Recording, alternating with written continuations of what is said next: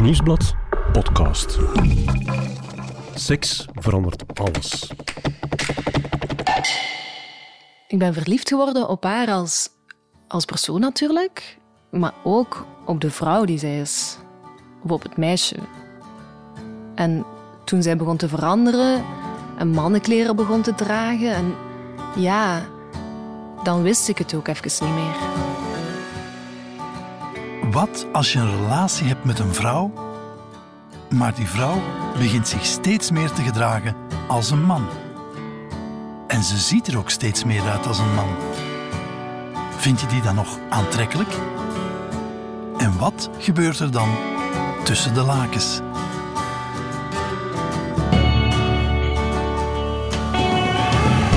Ik ben Johan Terrein en deze podcast gaat over seks. Over dit, maar vooral ook over dit. Over hoe je seks beleeft in je hoofd. Uiteindelijk kan alleen jij dat weten. En dat maakt het net zo fascinerend. Eigenlijk is seks een spiegel die van alles vertelt over jezelf en je relaties. En de vrouw die ons die spiegel voorhoudt is relatietherapeute Rika Ponnet. Zij neemt ons mee naar haar praktijk, waar ze de meest intieme dingen hoort. En na al die jaren is er voor Rika één rode draad die door al die verhalen loopt. De mens zingt het, seks verandert alles, maar dat is uiteraard ook zo. hè. Seks verandert alles. Om niet uit het bed te praten, geeft ze deze echte mensen uit haar praktijk een andere naam en een andere stem.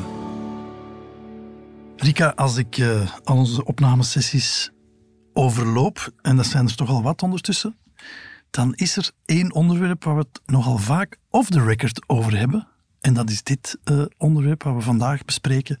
Transseksualiteit, of eh, Ja. beter gezegd genderdysforie. Ja, gender in het algemeen als onderwerp, daar hebben we het eigenlijk al vaak over gehad. Ehm, ja, en ik denk ehm, dat we er bijna niet onderuit kunnen. Als je ziet eh, hoe vaak dit onderwerp vandaag in media komt, leeft ook bij jonge generaties. Hoe oudere generaties dan met de manier waarop jongere generaties ermee omgaan, hoe ze daarop reageren. Het is een, eh, een heet thema, als ik het in het Nederlands mag Het zeggen. lijkt bijna een nieuw generatieconflict. Ja, en ik denk dat, eh, dat je het daarmee wel juist duidt. Ik denk dat ehm, het voor jonge generaties vandaag het domein bij uitstek is. eh, ik zie dat ook bij mijn eigen kinderen die tieners zijn. Het domein bij uitstek is waarop ze experimenteren rond eh, identiteit. Wie ben ik? Wie wil ik zijn? Hoe geef ik daar uiting aan? Dat het zich dat heel sterk afspeelt op dat domein van gender. Ja. Nora en Asha, twee jonge vrouwen van in de twintig, zijn al vijf jaar samen. Ze hebben een goede emotionele klik. Ze vinden elkaar in hun zoektocht naar hun geaardheid. Uiterlijk zijn ze wel anders. Nora is hypervrouwelijk en heel geraffineerd. Asha is meer het grijze, onopvallende type. Aanvankelijk vonden ze elkaar aantrekkelijk, maar nu is er al een tijdje geen sprake meer van een seksleven. Nora vindt dat Asha zich te weinig verzorgt en zich te veel laat gaan. Bovendien twijfelt Asha aan haar genderidentiteit. Ze denkt dat ze een man is in een vrouwenlichaam. En om al die redenen vrijen ze al langere tijd niet meer met elkaar. Nora en Asha komen bij jou in de praktijk. Zijn ze allebei meteen samengekomen? Ja, ze zijn eh, samengekomen. En dat is een koppel dat eh, zeker on speaking terms is. Dus niet dat daar hele grote conflicten zijn. Je ziet dat daar op dat vlak wel harmonie is. Het is een beetje een zus-zus-relatie, denk ik. Eh, Want eh, naar buiten toe is het een, een stel lesbiennes. Hè? Dus zo profileren ze zich. Ze zijn ook al een tijdje samen. Maar Asha bijvoorbeeld heeft dat thuis nooit geuit. Voor haar is dat nog altijd een stukje een geheim in haar achtergrond of bij haar achterban. Hoe verklaart ze dan thuis dat ze samenleeft met een Ehm, vrouw? ja, zoals dat wel vaker eh, vandaag eh, ook is. Het is mijn Eh, beste vriendin. Het is mijn beste vriendin. Ja, ja. En wij doen aan co-housing, want dat is goedkoper. Ja. En, want ze wonen in, in Gent en het is nogal duur anders. Ja, dat soort houding. Ze beleven een moeilijke seksualiteit. Ja. Wat moet ik me daarbij voorstellen? Er gebeurt niks meer? Of, eh. Ja. Het was al moeilijk van bij aanvang, in die zin dat Nora andere behoeftes had dan Asha, maar ook al van bij aanvang wat moeite had met de wijze waarop Asha zichzelf verzorgt, naar buiten komt uh, en dat in de loop van de relatie al maar toegenomen is. En Ja. dan heb ik het heel specifiek over, ja, als je eh, Nora ziet, dan zie je een hypervrouwelijke vrouw. Ja. Ehm, het type vrouw waar niemand het etiket lesbienne eh, zou opkleven. Eh, ze vindt dat ook heel belangrijk. Ze voelt zich eigenlijk ook niet echt aangesproken door ja, de verschijningsvorm van nogal wat lesbiennes, zodat eh, bijna, ja, zodat bouwvakkerstype, het is wat grof om het zo te zeggen, maar... ehm, De echte mannelijke... de mannelijke verschijning, vrouw, zo ja. ja. ehm, ik vind dat wel belangrijk dat een vrouw een vrouw is. En daar voelt ze zich het meest door aangesproken. En had al van bij aanvang bij Asha een stuk het gevoel van... Ja, je hebt daar blijkbaar wel een probleem mee. Of voor jou is dat blijkbaar wel moeilijk. Want wat voor een type is Asha dan? Ja, er is zo'n soort van grijsheid. Er is geen uitstraling. Ja, onbestemd. Er is geen uitstraling. Ze ziet er niet stoer of ubermannelijk uit. Maar ja, je hebt direct het gevoel als je haar ziet dat ze vooral niet wil opvallen. Ja. Iemand een beetje verdwijnt in het decor. Ja, en ook in haar kleren. Hè. Dat is zo een, eh, de wijde t-shirts en de eh, onopvallende broeken, de gemakkelijke schoenen. Ehm, ja, zolang ik maar niet opval. Dat dus ook soort niet van echt uitstraling. vrouwelijk dan. Niet Nee. echt vrouwelijk, nee. En toch is Nora op haar gevallen. Ja, dus ze hebben elkaar leren kennen in eh, Nederland, waar Asha sinds haar achttiende dan was. En zijn elkaar daar in het uitgaansleven tegengekomen. En zo eh, zijn ze een relatie begonnen. Nu, er was van bij aanvang tussen hen een eh, vooral inhoudelijke klik. Ze voelden zich heel goed bij elkaar. En dat had ook deels te maken met het feit dat zij allebei nogal wat moeite hebben met de lesbienne gemeenschap in zijn totaliteit. Ze hebben daar heel weinig vrienden in, of bijna geen. En ja, voor Nora hangt dat dan samen met het feit dat ze vooral vond daar toen dat ze heel vaak van die mannelijke lesbiennes tegenkwam en dat haar dat totaal niet aansprak. Ze voelde zich ook niet helemaal comfortabel in die gemeenschap. En bij Asha ging dat heel duidelijk samen met het feit dat ze ja, tot op vandaag eigenlijk heel moeilijk uitkomt voor het feit dat ze lesbienne is. Dus, ehm, dus dat waren toch twee vrouwen of twee meisjes op die leeftijd nog die het nogal moeilijk hadden met hun geaardheid. Ja. Nu, naast een ehm, seksualiteitsbeleving was er toch ook wel nog een tweede element, een heel directe aanleiding om nu dat traject bij mij te starten. En dat had dan te maken met een incident op het eh, werk bij Nora. Ik werk voor een bank en ja, mijn collega's weten wel dat ik lesbisch ben. En eh, ik heb mij ook wel zo geout bij HR. eh, en ook eigenlijk op de vloer maakt echt niemand daar een probleem van. Maar ja, daarbuiten merk ik wel dat ik ja, gewoon wel best discreet ben of zo. Ehm, we hebben ook veel events en dan ga ik daar naartoe om zo te socializen. En ja, daar vertegenwoordig ik ook echt zo de bank. En daar, je bent daar gewoon best niet te, te uitgesproken of zo. Ehm, gewoon de eerste indruk is daar echt heel belangrijk. Dus ja, ik heb haar dan gevraagd om, om niet. Ja, om gewoon in, vrouwelijke kleren daar naartoe te gaan. En ik weet ook wel dat dat niet evident is voor haar, maar ja, gewoon dat we niet zo de aandacht zouden trekken. En is dat voor Asha makkelijk? Eh, ze heeft dat altijd wat moeilijk gevonden. Zo het idee van eh, ik moet mij hier eigenlijk op een bepaalde manier voordoen of mij presenteren op een wijze waar ik mij niet zo goed bij Ja. voel en wat ik ook al niet doe in het dagdagelijkse leven. Dus ze heeft het gevoel dat ze dan een beetje een rol moet spelen. Ja, Ja. en eh, dat is iets waar ze het heel moeilijk mee heeft. Bovendien is zij recent gestart met gesprekken in de genderkliniek, omdat zij twijfelt aan het feit of zij al dan niet ehm, eh, transgender is. En ze eigenlijk ook denkt, eh, ik heb het gevoel van ehm, misschien toch liever man te zijn dan eh, waar ik vandaag eh, in sta. Ze twijfelt heel sterk aan is veel haar verwarring rond, Er is veel ja. verwarring rond, ja. Want het is niet dat ze het gevoel heeft, ik ben een man geboren in een vrouwlichaam, of wel? Niet zo extreem, maar denk dan van, ja, misschien heb ik angst om dat naar buiten te brengen. Ik wil daar gesprekken rond. Dus ze is uh, begonnen met gesprekken. Voor alle duidelijkheid, ze is op dat moment nog niet in transitie of is niet, niet begonnen met een behandeling. Dat is ook trouwens nog niet uh, toegestaan. Uh, ze is nog volop bezig met gesprekken bij een psycholoog daar in de kliniek. Ja. Maar dat maakt ook dat ze het er nu extra moeilijk mee heeft. En eigenlijk weigert, uh, of bijna weigert van, um, ja, ik heb geen zin om daar naartoe te komen als ik mij eh, zo helemaal anders moet voordoen. Want dat is een deel van het gegeven waarop ik vandaag zo hard op vastloop. Het feit dat ik niet mezelf kan zijn. Ja, dat mhm. is eigenlijk de, de zoektocht ook. En hoe is die verwarring bij haar ontstaan rond haar genderidentiteit? Ja, ze heeft het heel moeilijk met haar lichaam. Dat is uh, een hele duidelijke kwam um, ja, al van bij aanvang uh, heel duidelijk naar voren en dat is altijd al een stuk zo geweest. Ze vertelde ook dat um, ja, in haar jeugd, in haar kindertijd zelfs, en vandaar ook dat ze denkt, misschien zit ik wel als uh, man in een vrouwenlichaam, had ze het al van haar kindertijd heel moeilijk met het lichaam waarin ze zat. Um, en zeker in de puberteit uh, is ze daar heel hard op vastgelopen. Ze wil er eigenlijk niet echt uitzien als een, uh, een typische vrouw en heeft dan net hele grote borsten. Hè. Ja. Dat was een... Um, ja, iets enorm. Ik, uh, ik hou dat niemand met een borsten zag. Bijvoorbeeld in de kleedkamer van het zwembad. Hè, daar durfde ik mij eigenlijk niet om te kleden. Ik had ook altijd grote, wijde pullovers aan. En daaronder zo van die super strakke sport-BH's. Ik loop ze al een beetje voorover gewoon om, ja, om, om, om mijn borsten zo weinig mogelijk te laten zien. Was dat iets wat ze thuis als kind dan of als puber kon bespreken of was daar geen plaats voor? Dat lag heel moeilijk. Uh, ze heeft um, ja, ook vrij snel toch wel verteld dat ze sowieso uit een vrij moeilijke gezinsachtergrond komt, waar ze zich nooit echt veilig heeft gevoeld.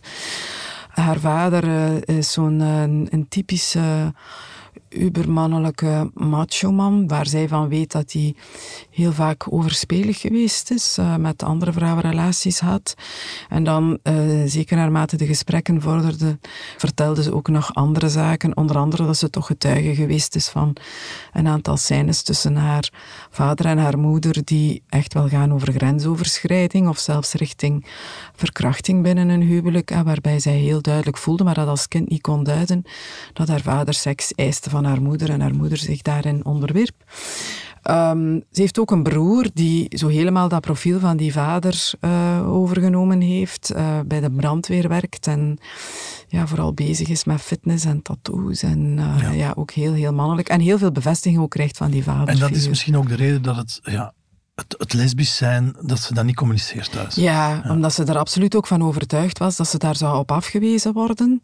En bovendien had ze ook al het gevoel dat zij in de manier waarop zij vrouw is, hoe haar lichaam eruit ziet, wat trouwens ook helemaal anders is dan de wijze waarop haar mama eruit ziet, dat dat ook al niet juist was. Ze heeft een mama die ja, een hele slanke, heel vrouwelijke vrouw is. En zij is een stuk voller, ook die grote zo.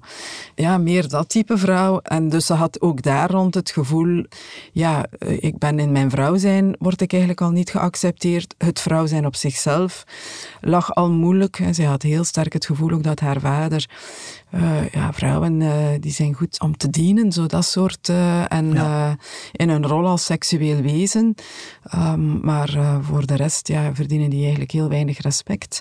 En um, daardoor had zij ook een, een heel moeizaam, heel moeilijk contact met hem. Bovendien dronk hij ook vaak en dan was hij vrij onvoorspelbaar.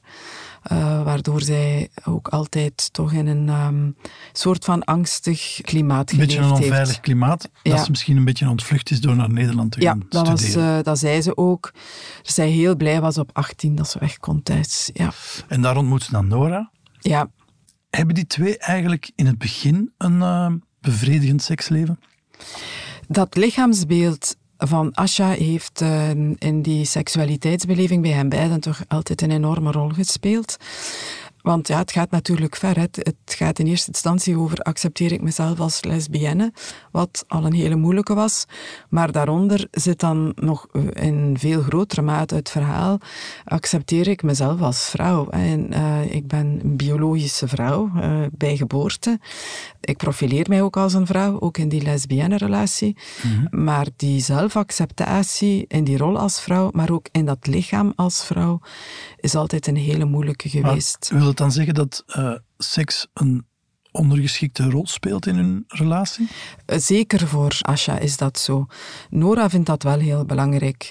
Zoekt daarin bevestiging heeft een veel grotere zelfacceptatie, wat, uh, wat zeker wat haar lichaam betreft. En uh, zoekt ook intimiteit, verbondenheid, um, een veel grotere emotionaliteit in de seksualiteit. Wat ze heel moeilijk vindt in het contact met Asha. Ja, en dat is wat ze proberen op te lossen nu door naar jou te komen. Ja. You're so when you talk about yourself,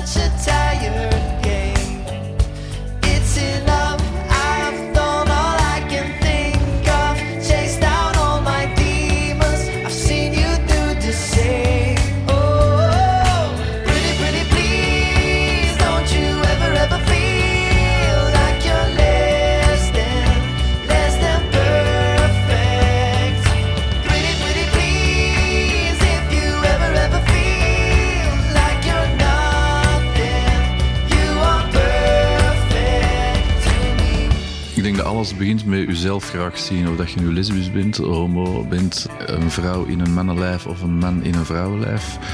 Vanaf dat je jezelf graag ziet, kun je ook dat delen met je partner. En kan je dat ook ontvangen, denk ik. Ik denk gewoon dat we er niet allemaal zomaar standaard van mogen uitgaan. Dat iedereen zich voelt zoals ze eruit zien.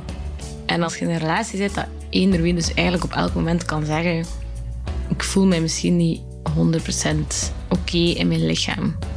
Want die drempel voor die persoon ligt nu super hoog om zoiets te vertellen, omdat voor de andere persoon het ook heel moeilijk is om zo'n dingen te begrijpen. En seks is heel lichamelijk. Dus je kunt dat niet loskoppelen van elkaar. Je moet je daar bewust van zijn en zorgen dat je met z'n tweeën dan een veilige sfeer kunt creëren of een veilige verstandhouding waarin dat je allebei goed voelt. Mijn moeder zei altijd: je kunt pas iemand graag zien als je jezelf graag ziet. En ik denk dat dat heel belangrijk is, dat je in het trainen bent met jezelf, dat je jezelf graag ziet, dat je ja, ook ergens een zelfzekerheid opbouwt naar jezelf toe, vooraleer dat in een relatie kunt gaan met iemand anders. Als die relatie met jezelf niet goed zit, als je zelfbeeld niet goed zit, als, als je heel destructieve gedachten hebt over jezelf, dan denk ik niet dat je al klaar bent om in een, in een stabiele relatie te gaan zitten. Ik heb al heel mijn leven problemen gehad met eten. Hè. Dat is al altijd zo geweest. Ik ben van 50 kilo naar 78 kilo gegaan, van zoveel procent vet naar dit, naar dat. Ik heb het allemaal meegemaakt. En vooral die eenzaamheid die je voelt, je eigen lichaam niet te kunnen aanvaarden, je niet, niet aantrekkelijk voelen, je niet goed genoeg voelen, dat heeft een enorme impact. Dat is eigenlijk omvattend. Dat is eigenlijk het enige waar je nog mee bezig bent. Ik spreek over zelf je richting op de universiteit hangt daarvan af. Omdat je zoiets hebt van, ah nee, nee, nee, ik ga dat niet kunnen doen, want dan kan ik niet sporten, of dan kan ik niet dit, of dan kan ik niet dat. Dat gaat tot zeer, zeer ver.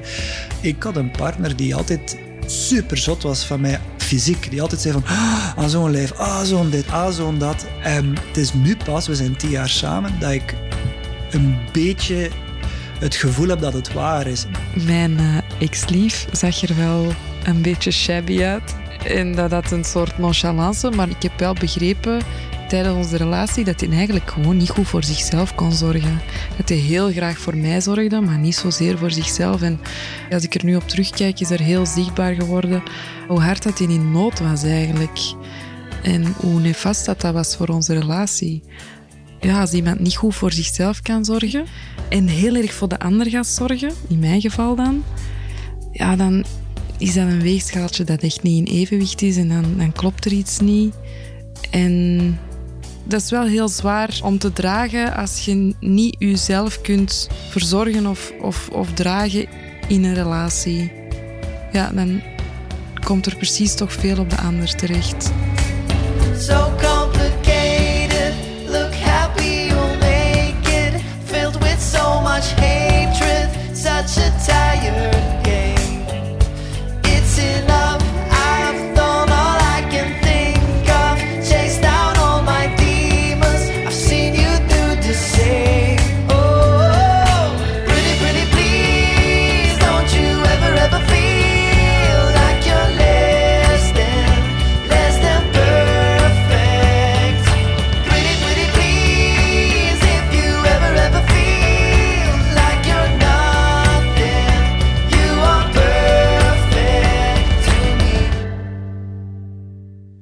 daar dan een beeld van wat die twee aan seksualiteit beleefden samen? Dat was ook niet zo makkelijk bespreekbaar bij aanvang. En ehm, ja, de, het verlangen of de behoeftes van Nora op dat vlak waren ehm, veel rijker, hoe zij zich dat dan voorstelde, had ook een veel rijkere fantasie daar rond, dan eh, waar Asha dan eh, in mee wou gaan. Was op heel veel vlakken heel geremd ook. Ja, aangeraakt worden, maar naarmate Asha al maar meer ja, zich zo wat, meer, wat, wat minder gaat verzorgen, daardoor een wat mannelijkere uitstraling of dat ook dat gevoel installeert bij Nora. ehm, Ook wordt minder Nora aantrekkelijk wordt minder voor aantrekkelijk wordt voor Nora.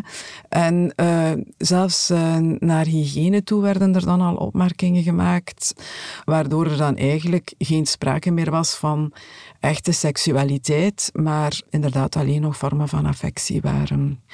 Een knuffel, een aanraking, lepeltje, lepeltje, maar geen echte seks meer. En dan zitten we echt bij de zus-zus. En dan zitten we echt bij de zus-zus relatie. Seks is voor mij verlangen, ehm, passie. En zo, zodat je fantasieën gewoon, doordat je allebei zo opgewonden bent, dat dat bijna werkelijkheid wordt.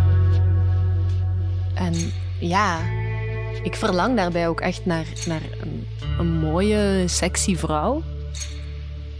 Maar nu dat Asha zo altijd maar mannelijker wordt eigenlijk en eh, ja, zich anders gaat kleden en minder aandacht heeft voor haar uiterlijk ook, ja, wordt die eigenlijk voor mij ook gewoon minder aantrekkelijk op een manier. En ondertussen voel ik ook dat ik, dat ik het soms zelfs eigenlijk niet meer wil. Ik bedoel, ja, we hebben echt wel nog zo affectie, hè? Zo elkaar vastpakken en ehm, lepeltje, lepeltje liggen. ehm, dat wel. Maar zo echt passionele seks, dat, ja, dat doen we eigenlijk niet meer. Rika, je zei daarnet dat eh Asha nogal een onveilige thuissituatie had. Dat ze niet met haar geaardheid daar terecht kon. Ja, Stelt zich natuurlijk de vraag, als ze zich vragen stelt over haar genderidentiteit, of ze daar wel mee terecht gaat kunnen. Ja. We zijn eh, natuurlijk een aantal jaren verder. Ze heeft nu natuurlijk die relatie met Nora. En ik denk dat ze voor het eerst ook door die gesprekken in de Henderkliniek de moed heeft gevonden om thuis eens ja, te zien eh, wat de reactie is. Een manier ook, denk ik, om voor zichzelf uit te testen in welke mate eh, word ik daar graag gezien. Ik denk dat dat voor haar sowieso een heel centrale levensvraag is. Een, eh, een vraag rond bestaansrecht. En eh, dat zij nu eindelijk daar wel klaar voor is om die vraag eigenlijk thuis op tafel te leggen. Eh, in Nederland, toen ik daar woonde, had ik eigenlijk weinig contact met mijn ouders. Ik ging wel een keer over en weer met kerst, eh, maar echt thuis, nee, dat was daar niet meer. Dus ik had ook nog niets verteld over die genderkliniek en zo. Maar toen ik dan een paar keer naar die kliniek was geweest, ja, ben ik dan toch naar huis gegaan en ik was wel nerveus, ja. Ik ben eerst naar mijn pa geweest. En ik moet zeggen, ik schrok. Echt enorm. Hij, ehm, hij reageerde heel, heel begripvol en hij zei: Eigenlijk heb ik dat altijd al geweten. Jij bent de tweede zoon die ik altijd graag had gehad. Zij is enorm geschrokken van zijn al bij al positieve reactie. Hij geeft aan dat hij haar daarin zal steunen en dat zij eigenlijk altijd de tweede zoon is geweest in zijn beleving die hij graag had gehad. Oh, verrassend. Ja. Maar ook betekenisvol, denk ik. Want ehm, ja, hoe je dat ook draait of keert, wat ouders ehm, voor ogen hebben bij het krijgen van kinderen, wat dat dan moet zijn, ook op het vlak van geslacht. En je hebt dat, hè. sommige ouders hebben dat heel sterk van vrouwen die hopen dat eh, de baby die ze in een buik dragen een meisje zal zijn. En als dat dan niet zo is, ik denk dat we niet mogen onderschatten dat dat ook echt impact Ja. heeft op hoe een kind zich al dan niet geaccepteerd voelt eh, in zijn of haar geslacht. Dus En eigenlijk dat- zei haar vader, ik had eigenlijk altijd, dat jij een ik, zoon ik wilde eigenlijk liever dat jij een zoon was. En kreeg zij nu een gevoel van, tja, als jongen ga ik hier wel geaccepteerd worden. Wat ze misschien altijd een stuk gevoeld heeft en wat waarschijnlijk ook deel geweest is van haar stap richting genderkliniek. En is het dan zo dat alles dan voor haar plots in de plooien valt? Van oké, dit is het antwoord. Initieel is dat voor haar een, een stuk een helende ervaring, die acceptatie van die pa. Maar wat blijkt in eh, de gesprekken, of bij de gesprekken in de genderkliniek, dat, het, dat dit toch niet hetgene is wat werkelijk speelt. Ah, Het is niet zo dat zij een man is in een vrouwenlichaam. Het gaat effectief veel meer richting zelfacceptatie. hè. Wie ben ik als vrouw en word ik de wijze waarop ik mijn vrouw zijn als lesbienne dan beleefd, wordt dat eigenlijk door anderen geaccepteerd? Word ik door anderen geaccepteerd? Dus eigenlijk een, constante behoefte naar bevestiging eigenlijk, Naar van er te mogen zijn. Van er te mogen zijn, ja. En eh, mag ik er zijn? Echt een vraag naar haar bestaansrecht Ja. bijna, die, die zeker... ehm, In een- welke vorm dan ook. in welke vorm dan ook, ja, daar gaat het over. Ja. Want dat is eigenlijk, ja, hoe zou je het kunnen, onvoorwaardelijk geaccepteerd worden Ja. zoals ik ben. Dat is bent. eigenlijk de diepere vraag, ja. Want hoe beleeft Nora zoiets? Ik kan me voorstellen als, als je partner zegt... enfin, Als je al niet meer echt in een seksuele verhouding zit en je zegt dan ook nog eens... Ik ga misschien van lichaam veranderen. Ehm, ja, dat was voor haar uiteraard ook een hele eh, moeilijke. Ze vond dat ook verwarrend. Nu, die relatiedynamiek zat al langer eh, niet zo goed wat dat aspect betreft. En ja, ik denk dat dat, eh, ze gaf dat ook aan in de gesprekken, dat zij zich daar op den duur ook heel slecht bij voelde. Ja, je vrijt met iemand en je hebt heel de tijd het gevoel dat, die andere, eh, dat je die andere toch niet echt gelukkig kan maken. Ehm, Wat je ook doet, het is wat niet je ook goed. doet, het is niet goed. Maar dat gaat ook niet. Iemand die niet gelukkig is met zijn eigen lichaam. Ehm, zelfs al geef je die dan complimenten. Hè, dat is zo, als mensen zichzelf of hun lichaam haten, en eh, dat ging echt wel die richting uit bij Asja, dan, eh, of, of zeggen, ja, ik ben dik, hè, dat is zo'n typische. Eh, en iemand anders die dan zegt, van, maar je bent jij niet dik, hè, je ziet er goed uit. Ja, zo werkt dat, Dat niet. maakt niet uit Dat maakt nee. niet uit, ja. Ehm, en ehm, Nora deed dat heel vaak naar Asha toe, haar wel bevestigen van, "Hey, ik vind jou wel aantrekkelijk. Maar als die andere dat niet gelooft, dat ook niet accepteert, omwille van het feit dat hij, dat hij zichzelf niet accepteert, ehm, wordt dat een heel heikel iets en ook iets zeer onaangenaams om jou in te begeven. En dan geef je dat op een bepaald moment ook op. Hier komen we een beetje bij het mantra, je moet eerst jezelf graag zien voor iemand anders. Ja, of je moet eh, in jouw eerste relaties graag gezien geweest zijn. Van daaruit ook een soort van. En graag zien is misschien een, eh, een zware term hoor, Johan. Ik denk dat het vooral gaat over zelfacceptatie. En dat is de eerste stap. Graag zien is, eh, is al een opbouw eh, voorbij die eerste stap. Ehm, Maar wat is zelfacce- zelfacceptatie? Dan niet accepteren dat je bestaat. dat is accepteren dat je, ja, dat je leeft in het lichaam waarin Ja, dat je leeft en dat je daar is. zoals het is en dat je daarmee samenvalt. Ja, en dat is iets anders nog dan ehm, zelfliefde, eh, liefde ook in relaties. Hè. Accepteren van een partner is iets anders dan het graag zien van je partner of dan het gevoel van liefde te hebben bij een partner. Maar in eerste instantie gaat het over acceptatie en het is dus die acceptatie die een gevoel van veiligheid met zich meebrengt in elke relatie, ook in je relatie met je ouders. Eh, je voelt niet op elk moment de liefde van je ouders, eh, maar acceptatie, dat is eigenlijk de veilige basis, is de veilige haven. Daar kan ik zijn zoals ik ben. Hè? Onvoorwaardelijk zijn wie ik ben. En af en toe voel ik inderdaad ook wel dat ze mij ook geweldig charmant of leuk of tof of eh, heel aantrekkelijk vinden. Maar vooral die basisacceptatie is heel belangrijk.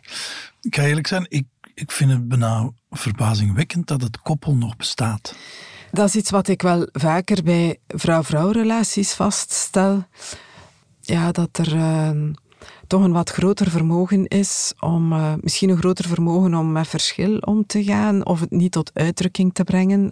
Je mag toch niet onderschatten bij holibies wat dat de het zichzelf aanvaarden zoals men is, in de puberteit ook. En nadien is toch een veel zwaarder traject nog dan bij hetero's, omdat dat maatschappelijk ook nog altijd een heel stuk moeilijker ligt. Ja, maar wat wil je daarmee zeggen? Doordat ze dat al hebben doorgemaakt, zijn ze, zijn ze ook voorzichtiger? om- Ja, zijn ze ook naar elkaar toe voorzichtiger in het afwijzen. hè. Eh, Ja. men, eh, ja, is, het is al bij hen beiden een langer traject geweest, richting, zeker ook bij, ehm, bij Nora, richting zelfacceptatie. Ik ben wie ik ben. Eh, ik ben lesbische. En ehm, ja, je voelt ook dat eh, er bij haar toch ook ehm, een stuk afwezigheid van ondersteuning was, zeker vanuit de peergroup zo. Hè. Zij ehm, had wel een thuissituatie of ouders, eh, een broer ook geloof ik, die daar positief tegenover stonden of die dat geaccepteerd hebben. Maar anderzijds vond zij ook heel moeilijk aansluiting bij de lesbische community in zijn totaliteit. En dat is iets wat voor beiden toch ook nadien wel een opdracht werd. Ehm, zowel in de genderkliniek werd dat aangegeven als, ik dacht dat ook in de gesprekken met mij, van misschien is dat toch wel, wel een goed idee om... Om daar ehm, meer aansluiting te vinden. om daar meer aansluiting te vinden, ja, om te kijken van, ja, hoe maken anderen Ja. dat door in onze situatie? Eh, welke vragen hebben zij daarbij of welke moeilijkheden hebben zij ondervonden? Je merkt dat telkens weer als mensen dit soort van ervaringen kunnen delen, het ook je eigen beleving normaliseert en je daardoor eh, er vaak ook op een andere manier naar kijkt en eh, soms ook inzichten aangereikt krijgt waar je dan als koppel mee verder kan.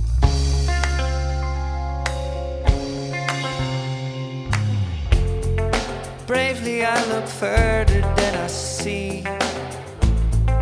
Knowing things I know I cannot be. Not now.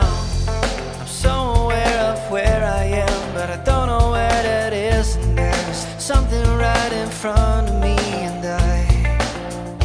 Ik heb het gevoel dat ik niet queer genoeg ben om het label te durven dragen. Snap je? Dus ik identificeer mezelf als biseksueel.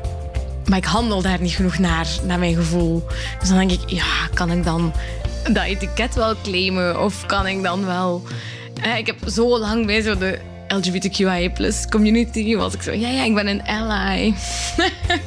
ik steun jullie. En dan zo, ik ben misschien gewoon deel van jullie. Maar nog, denk ik, ben ik wel genoeg om er deel van uit te maken. Oh.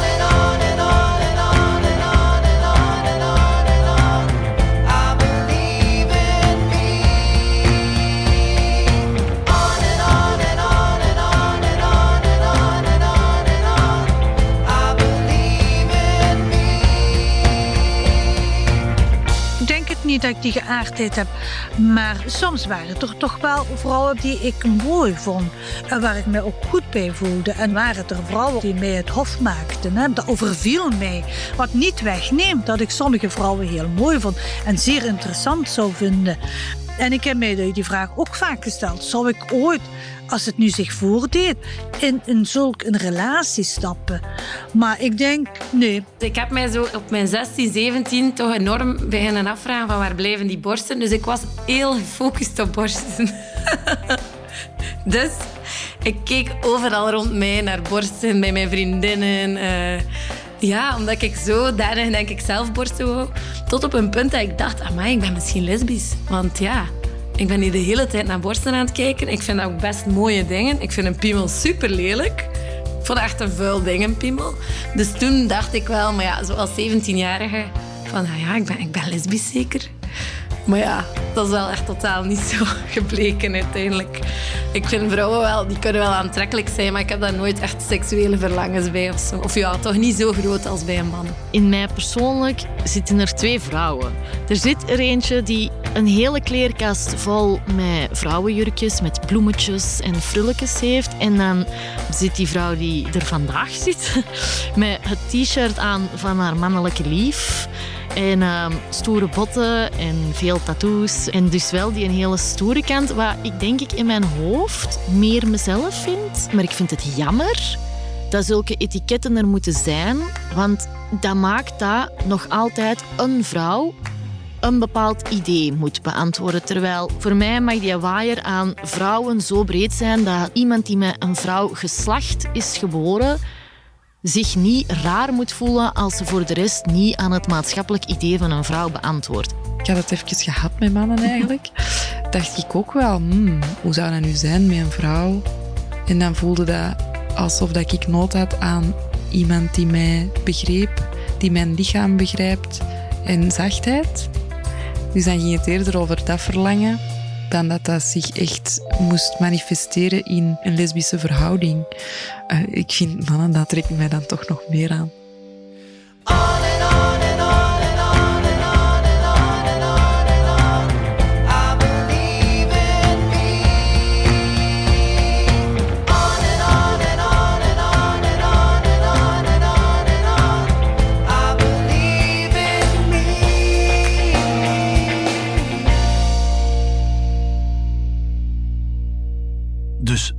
Transseksualiteit heeft eigenlijk in wezen niet zoveel te maken met seksualiteit. Nee, en ehm, nu een andere term voor transseksualiteit is genderdysforie. En eh, dat is hetgene waar eh, mensen die in transitie gaan en eh, of daarmee bezig zijn, ook het meest mee bezig zijn. Niet zozeer met hoe beleef ik mijn seksualiteit, maar meer Ehm, wie ben ik? Wie ben ik? Ja, dat blijkt ook uit de vele ervaringen die we daar ondertussen in hebben, in genderklinieken hebben. Bijvoorbeeld, een van de vroegste fantasieën die vrouwen hebben die dan uh, man worden, is uh, rechtopstaand plassen. En, dat is een uh, fantasie. Dat is een, ja, dat is een hele vroege fantasie. En men wil dan een penis, niet zozeer omdat men dat in de beleving van de seksualiteit zo essentieel vindt, maar vooral omdat men het gevoel wil hebben van in een mannenlichaam te zitten. Hè, van, uh, en dan merk je ook op het moment dat die uh, transitie dan um, beëindigd is of voltooid is, dat zij nog altijd heel hard bezig zijn met uh, hoe het zich presenteren. En dan vaak is dat, in, uh, is dat bijna clichématig, uh, ubermannelijk. Je ziet ja. dat vaak.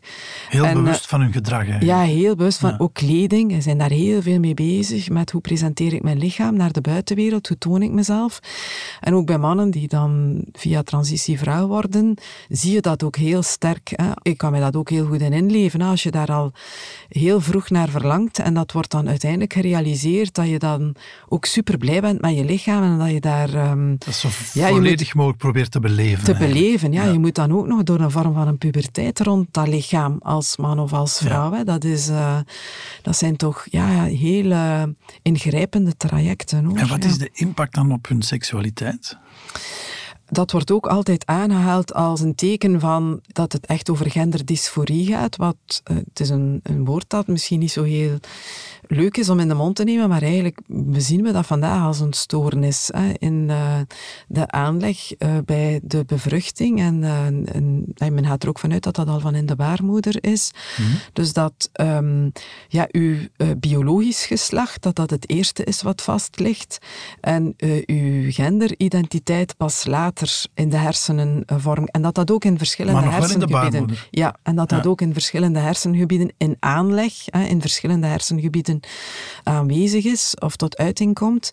Nu sowieso, uh, zeker als we het hebben over gender en over uh, identiteitsbeleving en uw seksualiteit, zullen omstandigheden, uh, situaties, de plaats waar je opgroeit, de maatschappij waarin je opgroeit, ook altijd een rol spelen. Hè. Ja. In, uh, die biologische aanleg die ligt vast. Hè. Ja. Je wordt geboren biologisch als man of als vrouw. Hè. Daar kunnen we niet aan tornen, hè. zo Nee. simpel is het.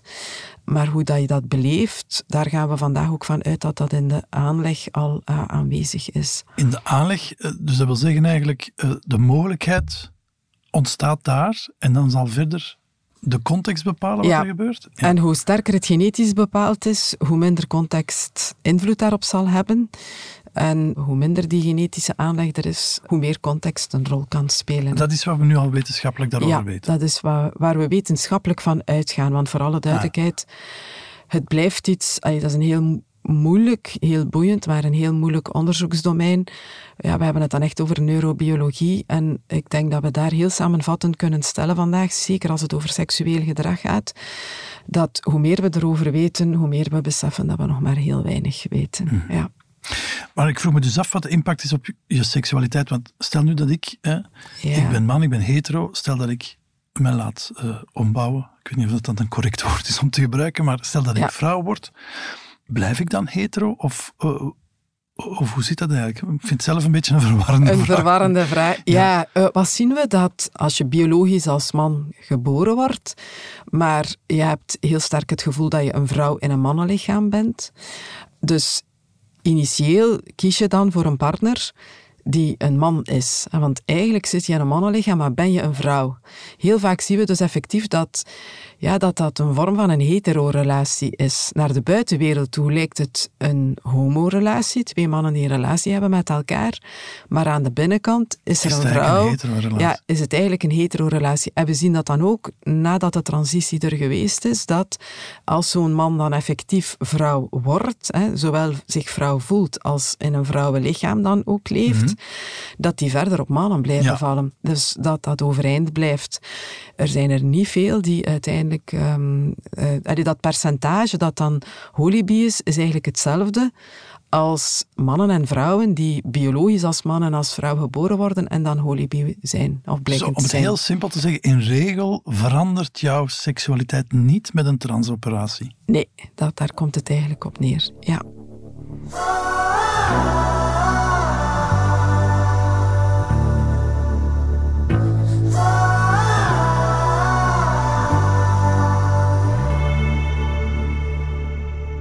We hebben het er in het begin kort even over gehad, maar blijf me toch de vraag stellen hoe het komt dat dat genderbegrip dat dat nu zo alomtegenwoordig is vandaag de dag.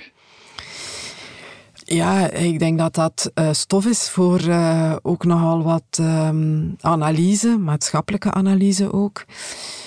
Nu, eh, mijn gevoel en ervaring daarbij is, is dat vandaag de zoektocht naar identiteit zich, eh, en dat is een, iets hyper eh, geworden, dat zich dat heel sterk net op dat domein eh, afspeelt. Waarom? Ja, hoe we vandaag onze seksualiteit vormgeven, hoe we omgaan met gender, dat is iets heel vrij geworden. Hè. Je, je ziet dat alle uitingen daar rond, daar is nog wel veel contestatie rond, of daar is nog wel wat discussie rond, of er is aversie voor. Maar in onze maatschappij is er heel veel ruimte om daar uiting aan te geven. Ehm, pakweg 50 jaar geleden was die ruimte er absoluut niet. Ehm, vraag maar aan mensen die in die tijd als eh holibi, ja, dat werd dan uit de kast komen eh, genoemd, daarmee naar buiten moesten komen, hoe moeilijk eh, dat dat lag. En waarom lag dat zo moeilijk? Identiteit werd toen ook al heel sterk via gender bepaald, maar zat heel strak in een typisch rollenpatroon. Ja. Als je als vrouw geboren werd, hing dat samen met een heel concept rond vrouw zijn. En dat was heel strikt eigenlijk. hè. Je werd dan echtgenoot, je werd dan moeder. En dat bracht een aantal mogelijkheden met zich mee, maar ook zeker een aantal beperkingen. Hè. Dat lag heel sterk vast. Ook als man was dat Bij zo. was net zo was dat net zo goed. Hè. Ja, ja. dat is een heel, heel eh, strikt rollenpatroon, waarbinnen je een aantal mogelijkheden hebt en ook een aantal onvrijheden, een aantal beperkingen. Vandaag is dat helemaal anders. Eigenlijk gaan we er vandaag van uit, als we nu kijken naar die klassieke rollenpatronen, hè, dat is allemaal op losse schroeven gezet. Mannen en vrouwen gaan uitwerken. Mannen nemen andere taken op in de zorg voor kinderen. Eh, vrouwen kunnen voor carrière gaan. Vrouwen kunnen ervoor kiezen om geen kinderen te krijgen. Ehm, Dus die patronen die vervagen een patronen vervagen, ja, waardoor je ziet dat dat eigenlijk een, een soort van individuele keuze wordt. Hè. Hoe ga ik mijn leven op dat vlak vormgeven? Dat brengt eh, enorme vrijheid met zich mee. Eh, welke rollen wil ik invullen in mijn leven? Op welke manier wil ik al dan niet vader of moeder zijn? Ja. Op welke manier wil ik vrouw of man zijn? Maar vrijheid, ook maar dus ook veel meer keuze. Veel meer keuze en dat brengt, dat weten we, ook veel meer faalangst met zich Ja. mee.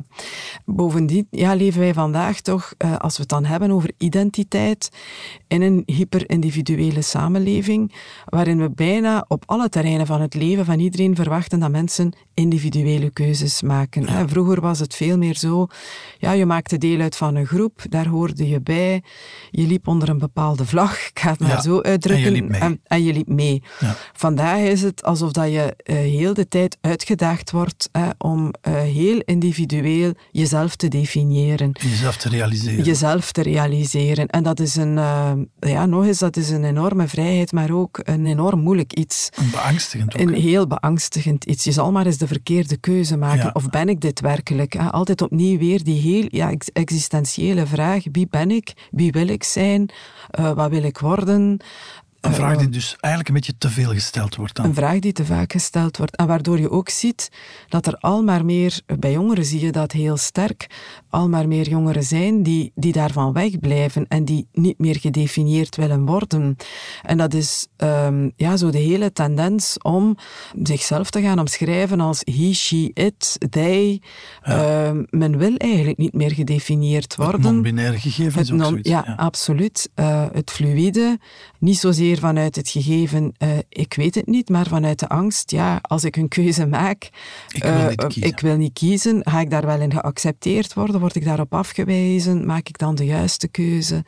En ja, je ziet, ik had vorige week twee interessante gesprekken daar rond. Het ene was met iemand die een zoon heeft die homo is.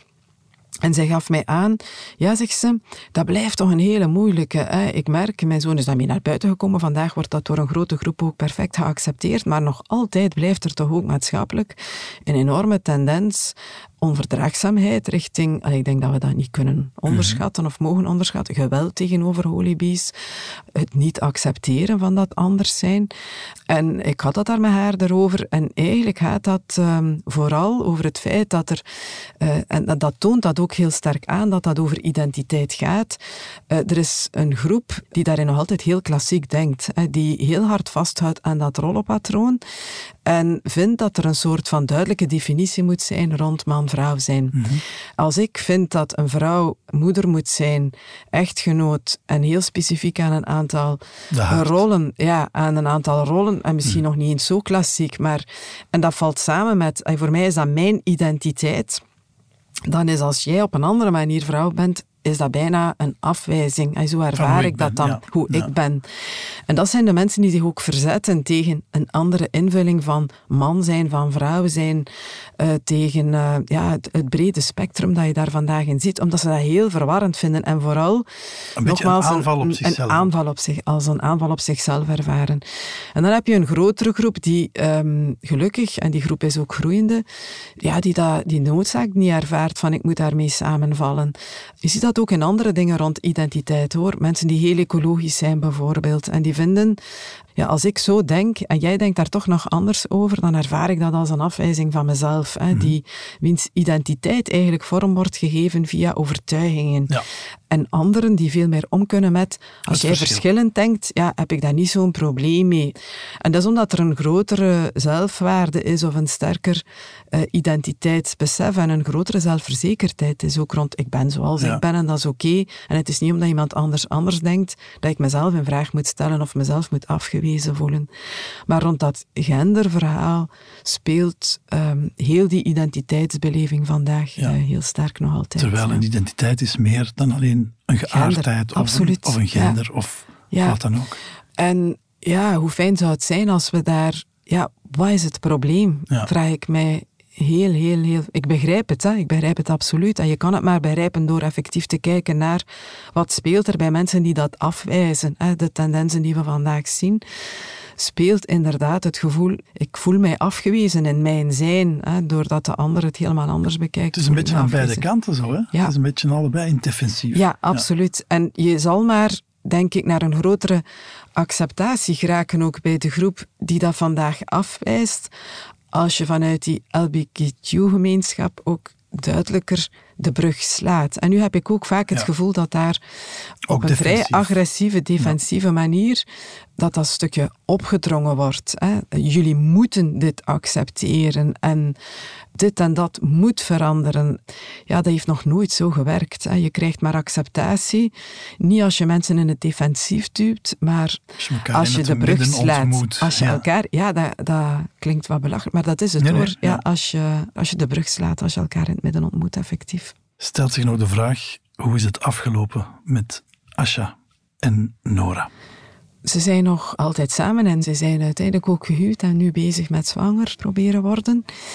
Maar zoals ik al aangaf, eh, dat blijft voor Asha wel een moeilijke weg.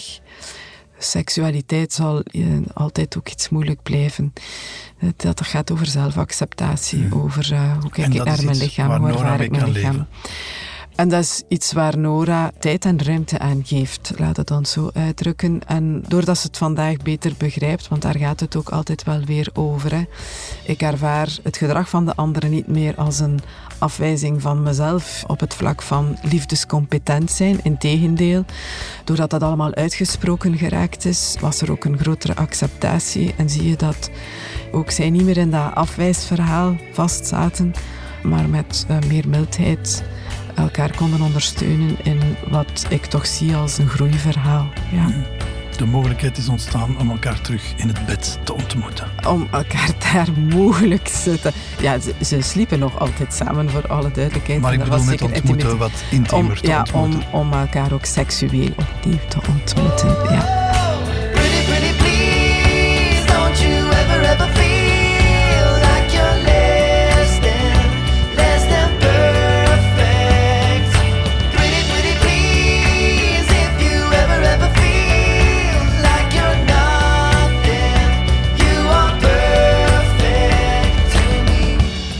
Was Seks verandert alles, een podcast van het Nieuwsblad.